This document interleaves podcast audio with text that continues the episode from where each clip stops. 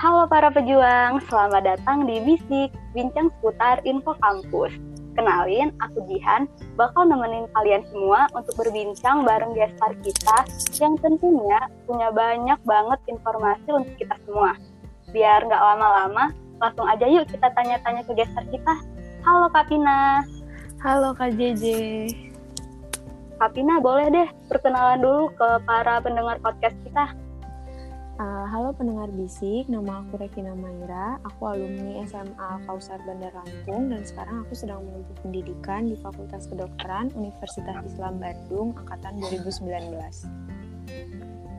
Uh, oh iya, Kak Pina, gimana sih kabarnya sekarang?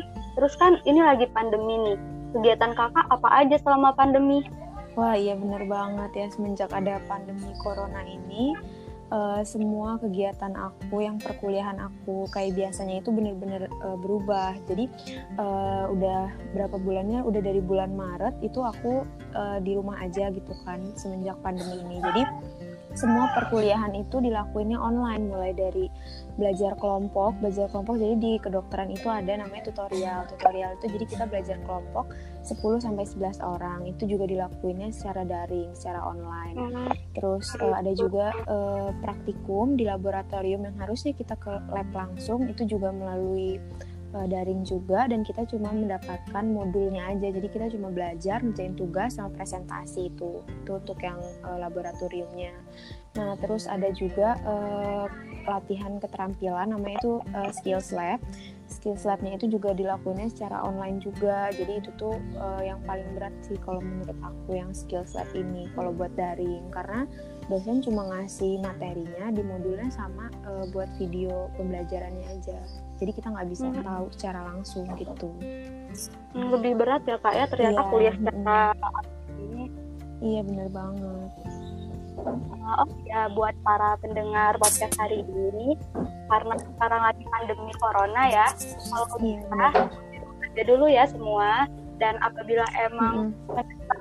keluar rumah jangan lupa ikuti protokol kesehatan. Wah iya itu benar banget. Soalnya kan ngelihat kurva uh, dari korban corona atau covid-19 ini tuh udah nggak bisa kayak banyak banget gitu nambahnya tiap harinya. Ya nggak sih kalau kita lihat kan ya jadi itu kalau misalnya kalian di rumah aja itu sama aja udah ngebantu gitu para tenaga medis dan tenaga kesehatan lainnya gitu. Iya bener banget kak. Oh iya. Uh, kakak ini kan sekarang lagi di rumah aja nih. Hmm. kakaknya udah mau masuk semester 3 ya di perkuliahan? Iya benar-benar nanti uh, bulan Agustus baru masuk semester 3 uh, kakak gimana kuliah di semester 3 nya apakah dilakukan secara online atau menggun apa atau offline kak? Kalau untuk semester 3 ini jadi sempat kemarin uh, seharusnya itu masuk tanggal 29 Mei. Tapi karena emang kondisinya belum memungkinkan ya masih tinggi juga kurva di Bandungnya jadi diundur lagi rencananya pertengahan Juni atau akhir Juni. Juni itu tuh mau masuk masuk ke kampus. Tapi karena emang belum turun juga kurvanya jadi akhirnya sama dekannya diperpanjang lagi tuh sampai bulan uh, Januari. Itu berarti udah masuk semester 4 kan? Berarti itu lebih lagi tantangannya karena sistem di semester 3 ini tuh bener-bener berat banget. Oh begitu gitu. ya Pak jadi pasti lebih banyak lagi yang harus dipelajari secara mandirinya kan semangat ya kak. Pokoknya sampai benar-benar jadi dokter. Amin amin. Oh iya ngomong-ngomong sebelumnya kakak ini dapat kuota SNMPTN nggak kak di sekolah kakak uh, dulu waktu aku di Alkausar aku sempat dapet kuota SNMPTN uh, eh, aku waktu itu tuh daftar ke Fakultas Kedokteran Universitas Diponegoro dan pilihan keduanya itu uh, FK Unila. Karena kan di tahun kita cuma dua ya pilihannya itu. Nah hmm. jadi karena emang aku bener-bener mau FK jadi aku uh, dua-duanya ngambil FK gitu sih. Karena tapi uh, karena emang nilai aku tuh nggak terlalu tinggi buat ngambil pilihan SNMPTN atau undangan itu FK di luar uh, Lampung atau di Pulau Jawa jadi ya aku sempat gagal di SNMPTN gitu tapi emang fakultas kedokteran ini favorit di semua sekolah nggak sih? Kayak iya sih benar-benar benar. Waktu itu pengen. Eh, benar-benar. Gitu kan. Iya benar banget sih. Apalagi kan anak IPA gitu kan mikirnya uh, wah jago nih biologi wah jago nih matematika fisika pasti udahlah ini mah cocok banget jadi dokter gitu kan iya itu sih iya Uh, oh iya, jadi kan uh, berdasarkan cerita tadi kakak ini sempat gagal ya kak di mm -mm. untuk milih kedokteran di SNMPTN. Iya. Nah, waktu kakak SBMPTN, kakak tuh tetap milih FK atau kakak nyerah dan milih jurusan lain ya kak? Waktu di UTBK pun di SBMPTN pun aku tetap uh, kekeh gitu tetap pengen ngambil fakultas kedokteran karena emang oh, itu gitu cita-cita aku dari kecil kan. Jadi tapi enaknya zaman kita dulu ya kan uh, tahun kita dulu tahun 2019 itu tuh kita ngelihat dulu kan nilainya baru bisa nentuin ngambil uh, fakultas dan universitas mana gitu kan. Nah itu sih iya, kelebihannya. jadi lebih uh, enak aja waktu tahun 2019 untuk SBMPTN-nya Uh, kalau boleh tahu, kakak dulu milih FK mana nih kak? Waktu UTBK-nya? Uh, eh, waktu UTBK, uh, eh, aku ngambil Fakultas Kedokteran Universitas Andalas yang di Padang sama uh, Fakultas Kedokteran Universitas Yahkuala. Tapi karena lagi-lagi oh. emang bukan rezeki aku dan aku belum beruntung ditambah emang e, nilai aku nggak seberapa tinggi juga gitu kan balik lagi kayak yang SNMPTN tadi jadinya ya sama aja jadi aku e, eh, sempat gagal juga di UTBK gitu Hmm, gitu. Oh iya, mm -hmm. Pak. Jadi UTBK tahun 2020 mm -hmm. ini pelaksanaannya berbeda sama tahun 2019. Oh, gitu. Emang apa gitu bedanya? Nah, jadi kan kalau dulu 2019 itu tesnya kayak dilakukan berhari-hari dan yeah, memiliki dua kali kesempatan hmm, kan. Hmm, bener banget. Nah, kalau kalau untuk tahun 2020 ini mm-hmm. TBK dilaksanakan menjadi dua gelombang. Gelombang mm-hmm. pertamanya tanggal 5 sampai 14 Juli 2020. Mm-hmm. Sedangkan gelombang keduanya tanggal 20 sampai 29 Juli 2020.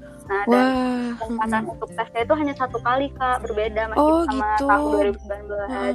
Terus ya. untuk ininya pengambilan fakultasnya gitu uh, tes dulu langsung langsung ngambil fakultas dan universitasnya mau apa gitu nggak kayak kita dulu ngeliat nilai dulu gitu. Iya benar banget jadi oh. uh, mereka memilih jurusan yang diinginkan sebelum melakukan hmm. UTBK gitu. Wah jadi lebih berat ya pasti tantangannya buat yang tahun ini. Iya uh, dan juga kalau hmm. tahun 2020 ini mereka hmm. hanya menggunakan satu mata ujian yaitu TPS sedangkan kita dulu oh, kan? Oh iya benar. TPS kita dan dulu, TPA gitu. Iya benar-benar. Oh berarti sekarang TPA-nya udah nggak ada dong? Iya sudah nggak ada. Oh berarti ya pokoknya tetap semangat lah ya buat angkatan yang tahun ini 2020 semoga bisa ngejar uh, fakultas dan universitas mana yang diinginkan. Ya kan amin? Amin, amin. Mm -mm.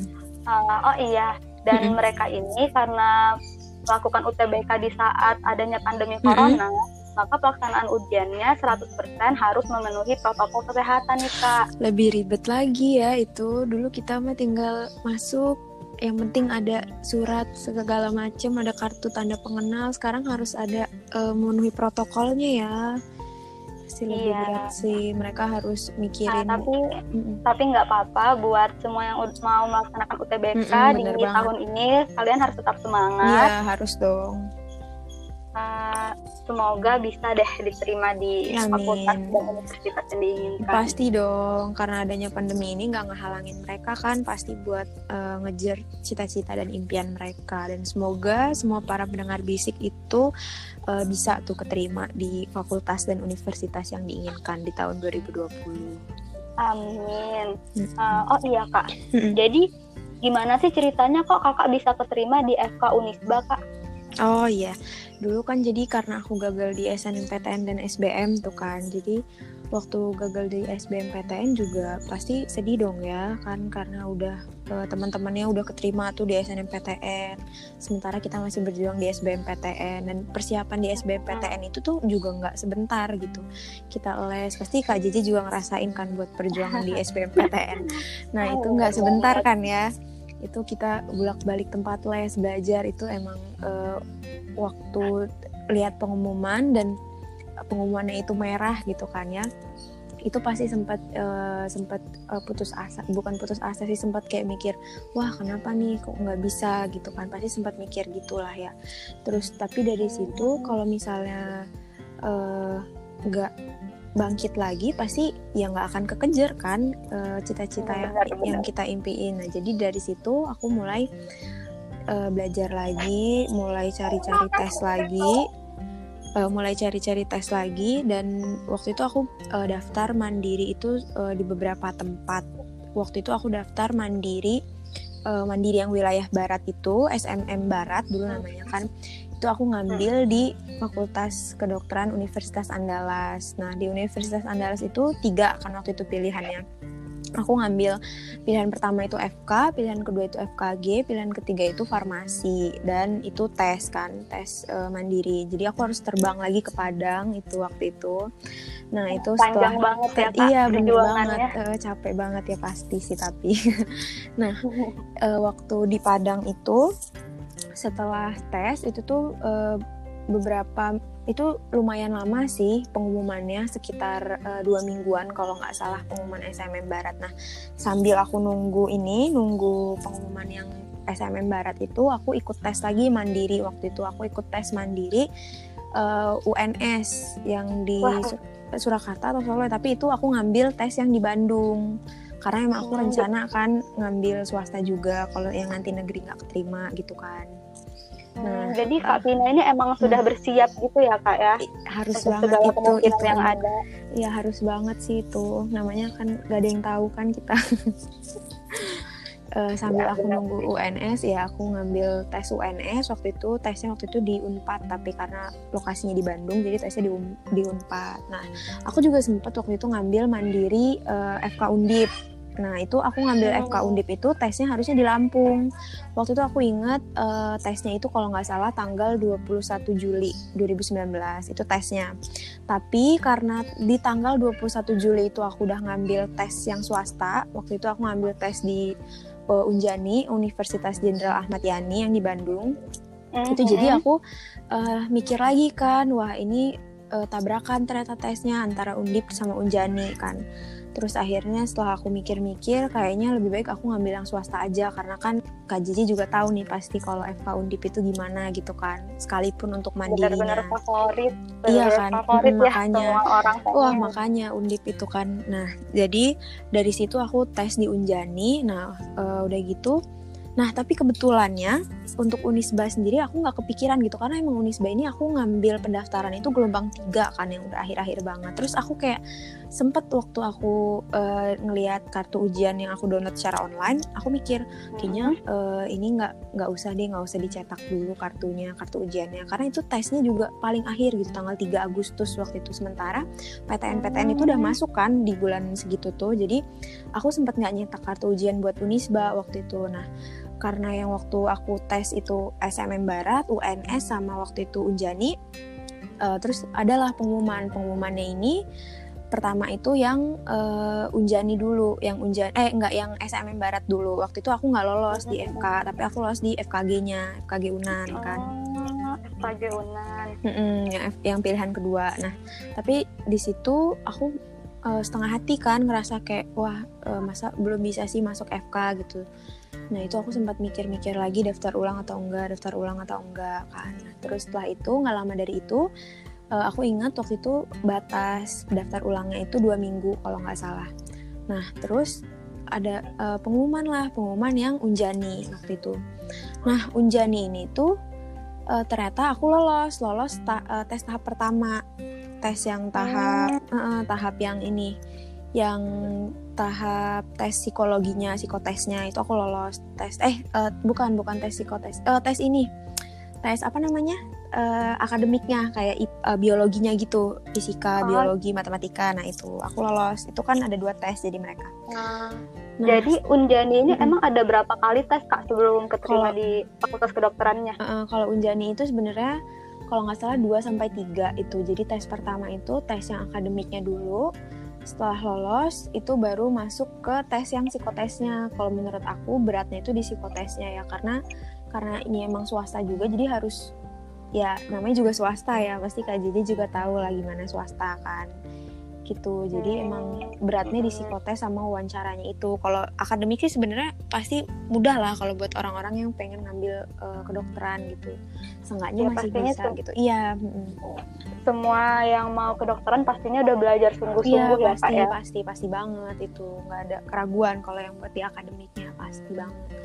Nah terus uh, setelah itu aku tes yang psikotesnya di Unjani setelah tes yang psikotesnya di Unjani ternyata aku gagal kan. Nah waktu itu aku sempat bingung kan. Wah gimana nih? Uh, Unjani udah gagal uh, yang Unan belum di daftar ulang yang FKG-nya nah ternyata waktu aku uh, iseng ngecek-ngecek website dari Unannya sendiri FK Unan ternyata uh, ini waktu registrasi ulangnya itu tuh diperpanjang waktu itu jadi wah aku langsung ini kan langsung apa daftar ulang aja gitu ya. Nah itu posisi waktu aku ngelihat uh, ngelihat ulang websitenya itu aku udah di Bandung. Terus aku bilang ke orang tua dan orang tua bilang ya udah setelah uh, aku tes yang Unisba waktu itu aku tes Unisba kan. Tes Unisba terus aku langsung terbang lagi ke Padang. Jadi ceritanya aku nunggu pengumuman Unisba sambil kalau bisa iya sambil kalau nggak keterima yang Unisba nanti aku yang daftar ulang yang di Unan gitu jadi emang wah terbang sana terbang sini Lampung Bandung Bandung Padang Lampung lagi gitu sih emang semua pasti juga teman-teman bisik yang dengerin juga pasti nggak kalah berat perjuangannya dari aku kan gitu hmm, jadi hmm. di mana nih kak pengumuman Unisbanya tuh kapan? Nah itu pengumuman Unisba jadi pas banget pengumuman Unisba itu aku ingat waktu itu tanggal 9 Agustus. 9 Agustus itu pengumuman Unisba dan 9 Agustus itu hari terakhir daftar ulang yang Unan. Jadi itu benar-benar kebenaran banget ya. Iya, itu jadi benar-benar aku nunggu sampai mama aku bilang kan alasannya gini katanya bilang ke pihak Unannya e, bisa nggak diperpanjang? Aku ingat waktu itu hari Jumat hari Senin. Awalnya mama aku bilang gini karena ini uh, papahnya belum ngirim uh, uangnya katanya gitu. Itu sempet aku buat kayak mah ini emang kalau ketahuan beneran gimana? Coba iya nggak sih? Ya kan? Kalau misalnya itu saking karena nunggu pengumuman yang Unisba gitu. Nah ternyata Unisba aku lihat pas malam waktu itu abis maghrib kan karena itu emang pengumumannya diundur-undur banget. Dari jam 10 pagi diundur uh, jam 3 siang diundur lagi abis maghrib. Itu bener-bener sih uh, Ih, berarti kakak iya. bener-bener ngerasain deg-degannya ya hari Wah, itu. banget sih banget itu. Waktu itu nunggu pengumuman Unisba aku nunggu. Begitu uh, abis maghrib aku buka kan ternyata keluarnya abis isa lagi. Aku aku terus cek websitenya ternyata pas aku masukin alhamdulillah ada nama aku di oh, alhamdulillah. Nah iya itu sih jadi udah aja waktu itu langsung malamnya eh nggak paginya aku langsung pulang lagi ke Bandung waktu itu langsung mau daftar ulang yang Unisba dari Padang kan. Benar-benar ya kak. Jadi pengalaman yeah. kakak ini perjuangan demi masuk ke fakultas kedokteran iya ini panjang banget panjang ya. Terbang sana sini, iya. bolak-balik sana sini. Uh, terus waktu itu yang UNS juga gagal kan ternyata aku. Terus dulu sempat juga sebelum daftar yang SMM Barat, aku daftar lagi ke UIN Jakarta gitu kan. Itu juga gagal ternyata. Karena emang UIN Jakarta itu wow, emang sih tesnya susah banget nggak kalah dari yang lainnya sih kata aku mah gitu jadi sempat banyak juga nih kak kan kakak ini udah hmm. melalui perjuangan yang panjang banget hmm. demi masuk ke fakultas kedokteran hmm. Hmm. emang kenapa sih kakak tuh pengen jadi dokter kalau alasan untuk jadi dokternya sendiri sebenarnya uh, karena dari kecil emang aku uh, lingkungan aku dari mama aku uh, kakak-kakak aku kebetulan itu tuh di lingkungan kesehatan semua gitu. Jadi uh, secara otomatis secara nggak langsung aku tuh ngeliat gitu gimana mereka kerja sehari-hari aku kecil dibawa ke tempat kerja mama aku itu kayak ke kerasa sih gitu kayak langsung kebentuk gitu. Wah aku pengen juga jadi dokter gitu sih ngelihatnya tuh kan. Pasti kan anak kecil gitu kan. Apalagi kan jadi, dokter gitu dari kecil pasti banyak kan kalau anak-anak kecil anak TK anak SD ditanya mau jadi apa. Kalau nggak jadi dokter jadi polisi tentara pilot. Pasti gitu kan. Jadi ah, ternyata nggak berubah sampai sekarang gitu hmm, cita-cita. iya. mm soalnya kan banyak ya anak kecil kayak pas SD ditanya mau jadi dokter, pas hmm. SMP mau jadi polisi, pas iya, SMA eh berubah-ubah kan gitu kan gitu, kayak berubah iya makanya. Tapi ternyata emang aku dari kecil nggak berubah sampai sekarang. Jadi ke mana pun pasti dikejar gitu. Keren banget sih Karetina. Ini pantang menyerah. Uh, oh iya nih kak. Setelah melalui berbagai perjuangan yang panjang tadi setelah kuliah dan diterima nih ada hmm. rasa menyesal nggak sih kak? Kayak nggak sesuai ekspektasi capek belajar terus inilah itulah gimana kak? Ada nggak? Wih pastilah pasti ada. Aku rasa nggak di fakultas kedokteran aja sih. Fakultas-fakultas yang lain pun pasti ngerasain kayak yang wah makin banyak nih tugas-tugasnya makin banyak uh, makin banyak waktu yang kesita buat belajar buat di kampus itu pasti banget. Cuman khususnya kalau di kedokteran itu emang kita kalau aku sendiri aku tipenya orang yang nggak bisa belajar mendadak. Karena SMA aku sempat uh, belajar yang mendadak gitu. Jadi sistem kebut semalam aku sempat yang belajar gitu waktu SMA waktu kuliahan ini kerasa banget gitu. Nggak bisa banget untuk di kedokteran sendiri ya aku ngerasanya. Itu kayak nggak bisa banget harus uh, belajar sistem kebut semalam. Karena dengan materi yang banyak dan tiap ujian juga kasus kita tuh beda-beda gitu kan di kedokteran. Pasti kajian juga tahu nih ya. Nah itu nggak bisa banget gitu kita buat langsung wah besok ujian atau enggak dua hari lagi ujian ayo belajar dari sekarang. Itu nggak bisa sih. Kalau aku orangnya tipenya yang gitu. Uh, terus di kuliahan juga khususnya di FK ini untuk masuk ke dalam fakultas kedokterannya itu pasti perjuangannya panjang gitu kan. Terus ya, pasti wah uh, sempet ngerasa kayak sempat mau nyerah gitu kan. Pasti ada lah untuk yang mau masuk ke dokteran terus juga sempat juga nangis gitu pasti ada. Tapi buat keluar dari fakultas kedokteran itu itu lebih berat lagi. Itu harus wah nangisnya lebih lagi sih kalau kata aku. Uh, oh iya nih kak. Uh -uh. anak SM anak-anak SMA itu kan banyak ya yang berspekulasi uh -uh. kalau masuk kuliah itu enak bajunya iya, bebas bener. gak pakai seragam nggak harus jam orang-orang segini gitu iya wah bener. iya bener banget hmm. nah, tapi untuk para pendengar bisik sebenarnya mau kalian kuliah di mana pun di iya, jurusan iya, mana pun banget. kita itu pasti punya beban dan tanggung jawab masing-masing gitu kayak iya, Kapina ceritain tadi kan -hmm. kalau di kedokteran itu uh, materinya banyak mm -hmm. gitu kan dan sebenarnya itu terjadi di semua fakultas dan semua jurusan betul Jadi, banget untuk untuk kalian yang sudah mau masuk ke dunia perkuliahan harap bersiap-siap. Iya, dan jangan banget. tapi tapi tetap aja semua itu jangan dijadikan sebagai beban mm -mm. tapi harus disyukuri gitu. Karena ternyata kalian diberi kesempatan untuk merasakan gimana sih jadi anak kuliahan gitu. Iya pastilah. Nggak boleh ada kata menyerah. Oh iya nih kak. Uh, ini apa sih motivasi kakak untuk terus ngejar mimpi kakak jadi dokter kalau motivasi sih sebenarnya aku nggak punya motivasi khusus sih. Sebenarnya motivasi pertama aku itu pasti sama semua orang itu motivasi pertama pasti orang tua lah ya. Hmm. Motivasi pertama aku orang tua karena emang uh, mama aku, pap, uh, keluarga aku, papa aku nggak pernah uh, mengekang aku buat masuk ke dunia apa gitu. Maksudnya ke fakultas apa ke jurusan apa mereka sama sekali nggak pernah gitu kan. Kamu harus jadi dokter kamu harus jadi nggak nggak pernah sama sekali. Tapi justru dari situ kayak aku ngerasa gitu kan. Uh, kebetulan kakak aku ada satu dokter dan uh, di tahun kakak aku kuliah juga mama papa aku tuh juga nggak pernah kayak har mengharuskan gitu. Mereka masuk ini mereka masuk ini gitu nggak pernah. Jadi dari situ aku mikir kayak keluarga aku ngasih aku kebebasan gitu buat masuk ke fakultas apa pun dan jurusan apa pun gitu.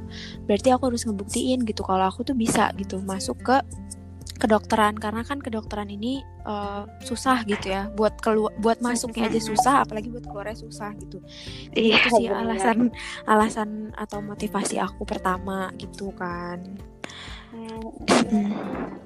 jadi emang orang tua ini berperan sangat besar ya untuk iya, motivasi banget. kakak terus iya benar banget mm -mm. Uh, Oke, okay, boleh nih Kak disampaikan hmm. pesan dan motivasi buat semua pendengar bisik edisi hari ini yang hmm. mungkin sedang uh, kesulitan dalam hmm. belajar atau mereka sedang down ingin hmm. mengejar cita-cita tapi mereka takut gitu boleh deh kak sampai pesan dan motivasinya iya pesan aku sebenarnya nggak yang macem-macem ya cuma paling aku cuma bilang gini sih buat pendengar bisik semua yang lagi mau berjuang buat ngejar impian atau cita-citanya. Yang pertama, uh, sebenarnya nggak ada yang namanya kebetulan gitu. Uh, kita aku di sini sekarang berada di Fakultas Kedokteran itu bukan suatu kebetulan. Kalian pun nanti berada di Fakultas Kedokteran atau fakultas mana pun itu bukan suatu kebetulan gitu. Jadi apa pun dan di mana pun kalian berada itu, kalian harus benar-benar gitu, harus benar-benar uh, menyelesaikan semuanya dengan baik gitu. Karena uh, sebenarnya uh, tadi yang aku bilang gak ada yang namanya kebetulan dan kalian harus bisa gitu menyelesaikan itu semua gitu. Terus juga aku pernah baca gitu ya dan aku punya teman juga kebetulan teman satu kampus aku di kedokteran sekarang dia sebenarnya masuk di kedokteran ini tuh karena disuruh orang tuanya. Karena orang tuanya dokter dan kakak-kakaknya itu tiganya itu dokter semua gitu kan. Nah dia di situ sempat ngerasa kepaksa gitu buat masuk ke kedokteran. Tapi uh, makin lama dia makin sadar gitu. Yang aku bilang tadi namanya kita berada di suatu tempat itu nggak ada yang namanya kebetulan gitu. Kalau kita udah ada di misalnya di FK gitu di kedokteran, berarti Allah udah ngasih kita kepercayaan buat ada di fakultas dan di jurusan dan di tempat itu gitu.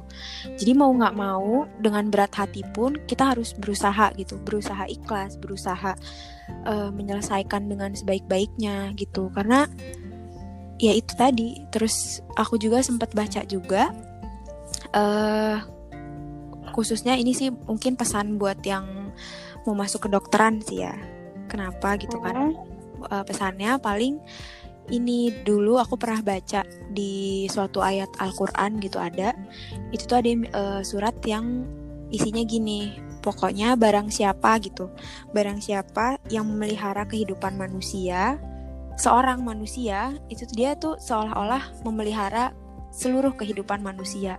Itu kan kayak wah subhanallah banget gitu ya nggak sih JJ Iya sih benar banget berarti kan pekerjaan yeah. sebagai dokter ini pekerjaan yang mulia gitu. Yeah, Jadi gitu. Uh, untuk untuk semua orang yang mm. sudah berada di fakultas kedokteran, uh, mm. walaupun awalnya mereka karena paksaan orang tua atau lain sebagainya, mm. benar banget ya berarti itu yeah. itu sebenarnya sudah ada, sudah takdirnya untuk yeah. di iya. sana. Gitu. Oh iya, aku juga pernah. Mm -mm. Ah iya, aku juga pernah dengar cerita dari kenalan aku. Mm. Nah, jadi kenalan aku ini ikut SBMPTN gitu kan tahun mm beliau dulu. Yeah. Iya. Uh, pokoknya beliau ini mendaftar di pilihan terakhirnya itu tentang uh, ilmu perpustakaan ya atau mm apa sih nama nama jurusannya itulah ya yang tentang perpustakaan gitu.